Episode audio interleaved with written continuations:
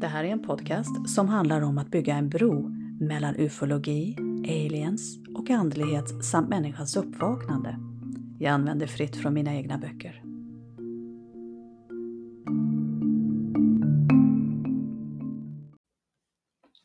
Ebens liknar Grace, men har en helt annan filosofi när det kommer till vad syftet med livet är. Och Ibens är varken en del av reptilernas styre eller av någon annan negativ art. De är underbara entiteter som vi vill veta mer om.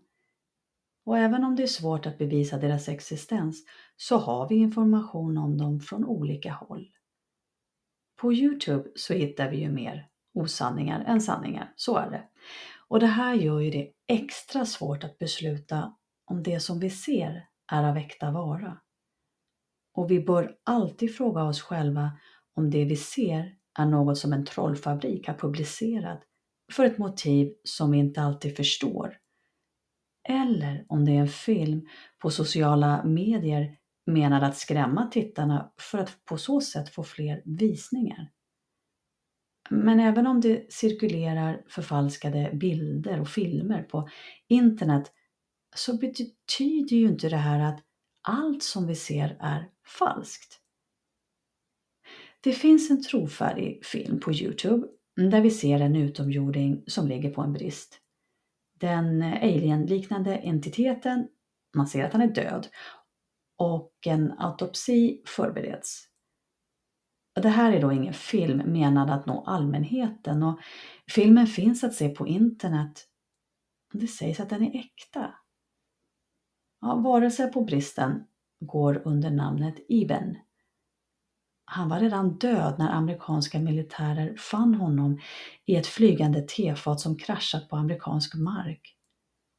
Den här händelsen går under namnet The Kingman Event enligt konspirationsteoretiker. Enligt andra ufo-entusiaster beskriver Kingman Event en plats i USA där en flygande farkost ofrivilligt landade under 50-talet. För konstigt för att vara sant? Ja, det tyckte amerikanska militärer också, för ufot var ju nämligen misstänksamt litet. Och hur kunde en sådan liten farkost ha klarat av en resa från en planet som man antog låg på ljusårs avstånd? Fast nu blir det ännu konstigare att acceptera hur man resonerade. För amerikanerna kom på att ja, det måste ju finnas ett större skepp i närheten. Ja, inte nog med det. De bestämde sig för att bjuda ner den större farkosten till jorden. Och snart landade en ny farkost med fyra varelser som härstammade från yttre rymden. Enligt Len Casten så var ju dessa utomjordingar av den goda arten. Ibens, som de kallades, alltså det är ju vänner som vi vill komma närmare. För Ibens är till skillnad från reptiler och Grace alltid vänliga. Och kanske var det Ibens vilja att dela med sig av den kunskap som de hade som gjorde att USA bestämde sig för att skicka 12 män till Ibens hemplanet. I alla fall om vi ska tro på Len Castens research. Redan på 60-talet förstod man vikten av att skapa goda relationer med grupper på andra planeter. Och det var ju inget lätt projekt som USA hade inför sig. Att hitta 12 personer som kunde klara av påfrestningen över att bli skickade till en annan planet för att skapa goda relationer det var ingen enkel uppgift. För det första så vill man ju inte skicka iväg män med fru och barn som oroligt väntar på hemmaplan. Ja, det bästa är ju om, om de som lämnar vår planet för en oviss framtid inte har familj överhuvudtaget. Barn utan föräldrar och syskon, ja det är ju därför att föredrar. Så utav 600 ansökningar så var det bara 60 individer som fick gå vidare i antagningsprocessen eftersom säkerhetskontrollen var så hög att nästan inga klarade ribban. Ja, till slut hittades kandidater man i alla fall trodde skulle klara av livet på en annan planet i tio år. Långt bort från den enda värld som de hittills känt till. Innan resan till Serpo så fick de tolv männen träning i flera ämnen och områden. Den fysiska träningen den bedrevs på höga höjder och på olika geografiska, geografiska platser för att på bästa sätt förbereda dem inför vistelsen. Ibens hade gett forskare tillräckligt med information om sin planet för att man skulle kunna säkerställa att ditskickade människor kunde i alla fall andas på platsen som de skulle vistas på under de närmsta tio åren. De tolv männen fick med sig 40 ton frakt på resan mot planet Serpo enligt Lancasten. Kanske var det här en garanti för att inte sakna något från jorden. Men att vänja sig vid nya livsvillkor på en plats långt bort från det vanliga, ja, det var nog en stor utmaning. Efter att tillbringa tio år på planet Serpo så kom männen från jorden fram till följande information. Evens föredrar att bo i områden där värmen är konstant och där det inte växer skog. Det finns olika arter av djur på planeten men Ibens finner det motbjudande att döda levande djur för att sedan äta upp dem. Istället är de vegetarianer och får sin föda från annat håll. De män som kom tillbaka från Serpo berättade att Ivens äter mat som för oss smakar ganska mycket som papper. Men att den maten ger näring och till och med healing om man har en obalans i det kroppsliga systemet. Ivens bor, bor spartanskt utan TV och radio i familjekonstellationer som vi själva är vana vid. Och även om de inte gifter sig så innebär det när man skaffar barn att man har ett ansvar. Och därför tillåts man endast ha två barn, vilket kan låta stramt. Evans uppskattar musik och fest, vilket väcker tankar på att de faktiskt har något gemensamt med oss som bor här på jorden. Den största utmaningen med att bo på Ibens planet det var när den inhemska befolkningen pratade högt med varandra för Ibens röster det beskrevs som ett sjungande ljud i högt tonläge som medförde yrsel för de mänskliga besökarna som befann sig i närheten. En av Ibens kvinnliga värdar som såg det här lidandet, ja, hon bestämde sig för att hjälpa de tolv männen. Och hon lyckades med att lära sig engelska och att uttala ord utan då att de mänskliga gästerna fick ont i huvudet. Enligt Lancastens undersökningar om den här resan till Serpo så var det endast sju personer som återvände till jorden. Tre dog under resan eller under vistelsen på Ibens planet medan två av deltagarna faktiskt bestämde sig för att stanna.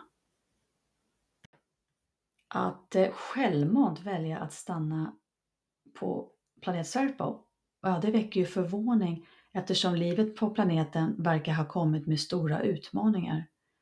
Som människor så behöver ju vi framförallt sova och äta och då gärna i en behaglig temperatur. Och med två solar så blir det aldrig mörkt på planet Serpo, bara fruktansvärt eh, varmt. Om maten är torftig och kommunikationen med de man lever med bristfällig, ja då väcks ju den självklara frågan om varför man väljer att bo kvar när det finns en möjlighet att resa tillbaka till vår vackra jord.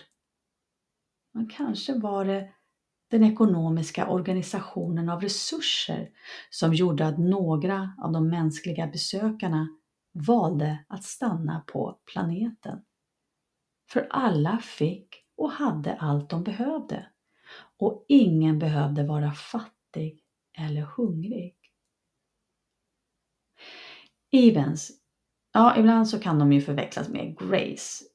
Och kanske är det så att de har ett gemensamt familjeträd långt bak i tiden, men skillnaden mellan dem är stor. Ibens är godartade, alltid vänliga.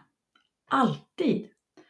Och de sägs ha fem fingrar på varje hand istället för de där tre långa fingrarna som vi associerar med Grace. Deras hy, ja, den är mer brun än den där gråaktiga färgen som Grace har. Ögonen beskrivs som stora, men inte likt de ögon som vi ser på bilder av Grace. Något som spelar en stor roll när vi beskriver skillnaden mellan Ibens och Grace, ja det är att Ibens kan producera sin egen avkomma. De har nämligen organ som möjliggör för både sex och graviditet, aktiviteter och förutsättningar som är omöjliga för Grace. Ibn sägs vara spirituella och har sin egen form av hur de dyrkar enligt Lancaster. Likt buddister och hinduister så har de då en tro på reinkarnation. När själen lämnar kroppen är du klar med din kropp och väljer nästa biologiska kropp att leva i. Ibens är även hängivna på att klona och mixtra med DNA, vilket de mänskliga besökarna från jorden till sin fasa upptäckte. För som människor, vi, vi har ju lite svårt att se poängen med att skapa en varelse som har ett djurs huvud och kropp men med människoliknande armar och ben. Alltså det blir fel i vårt huvud. Vi klarar inte av att se dessa experiment eftersom vi inte kan rättfärdiga skapelsen med ett syfte.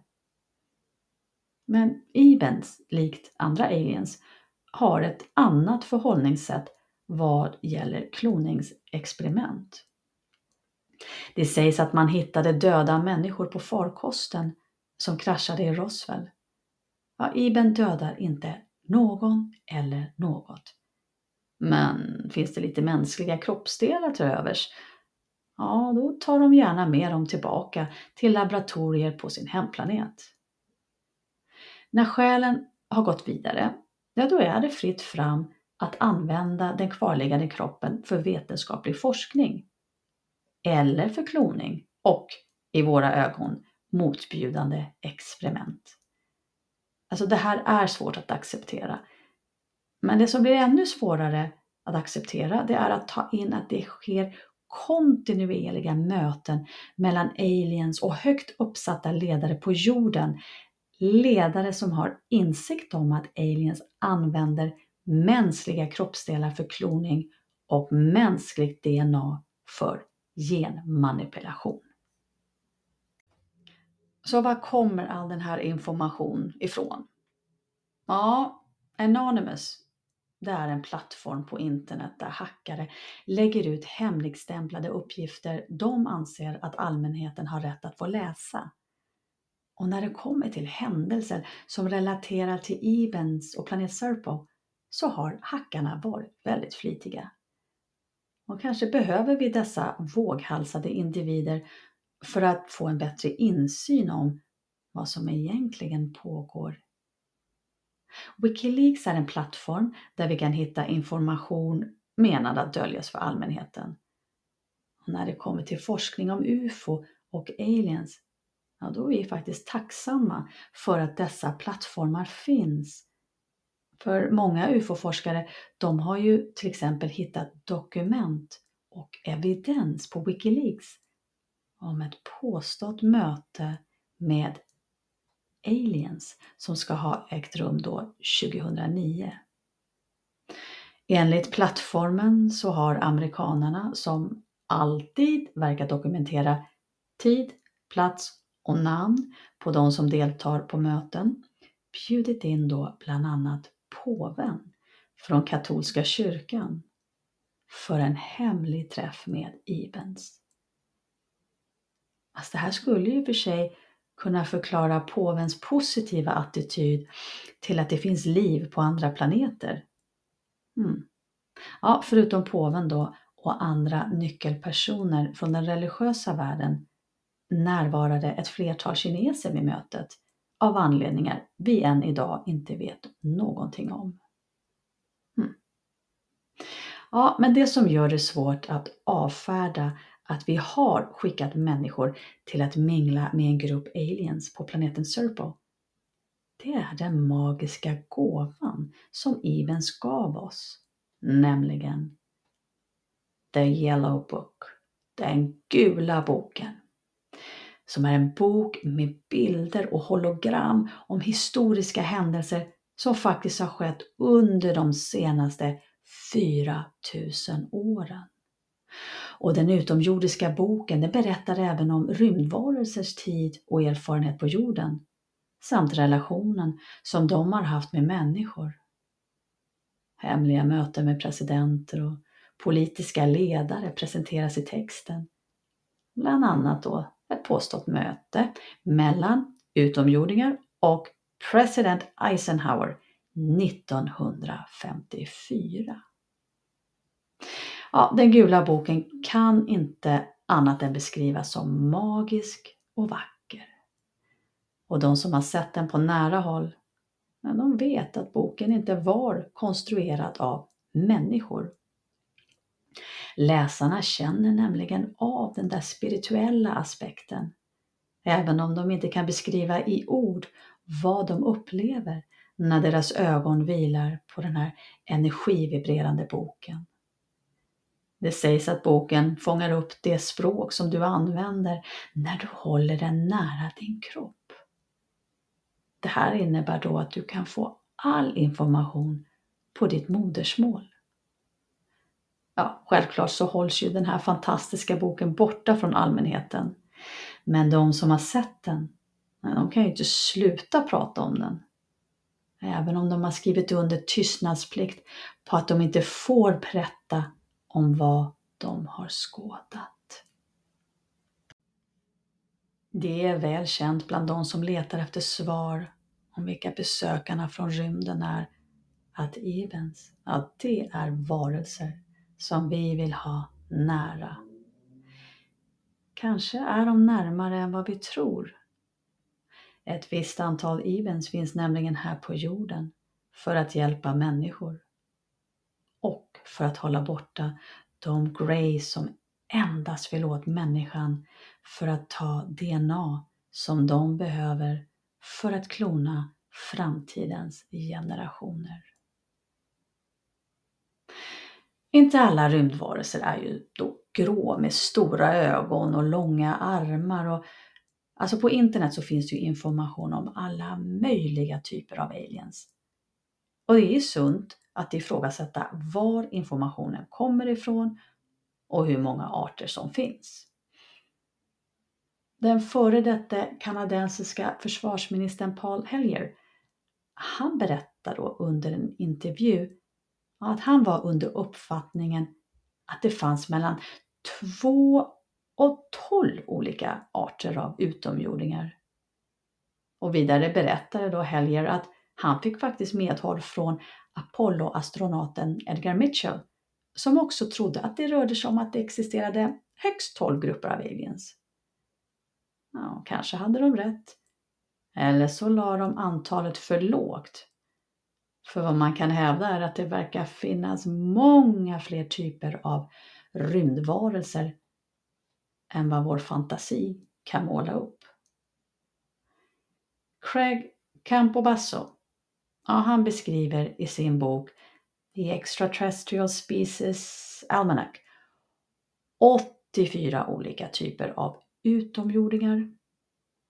Campobasso menar att det finns människoliknande utomjordingar och att en grupp vid namn Agarthans tillhör en av dessa hominidgrupper.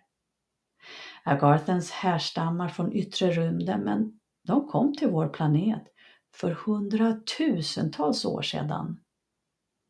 Deras huvudstad hette Shambhala och sägs ligga gömd under den tibetanska platån.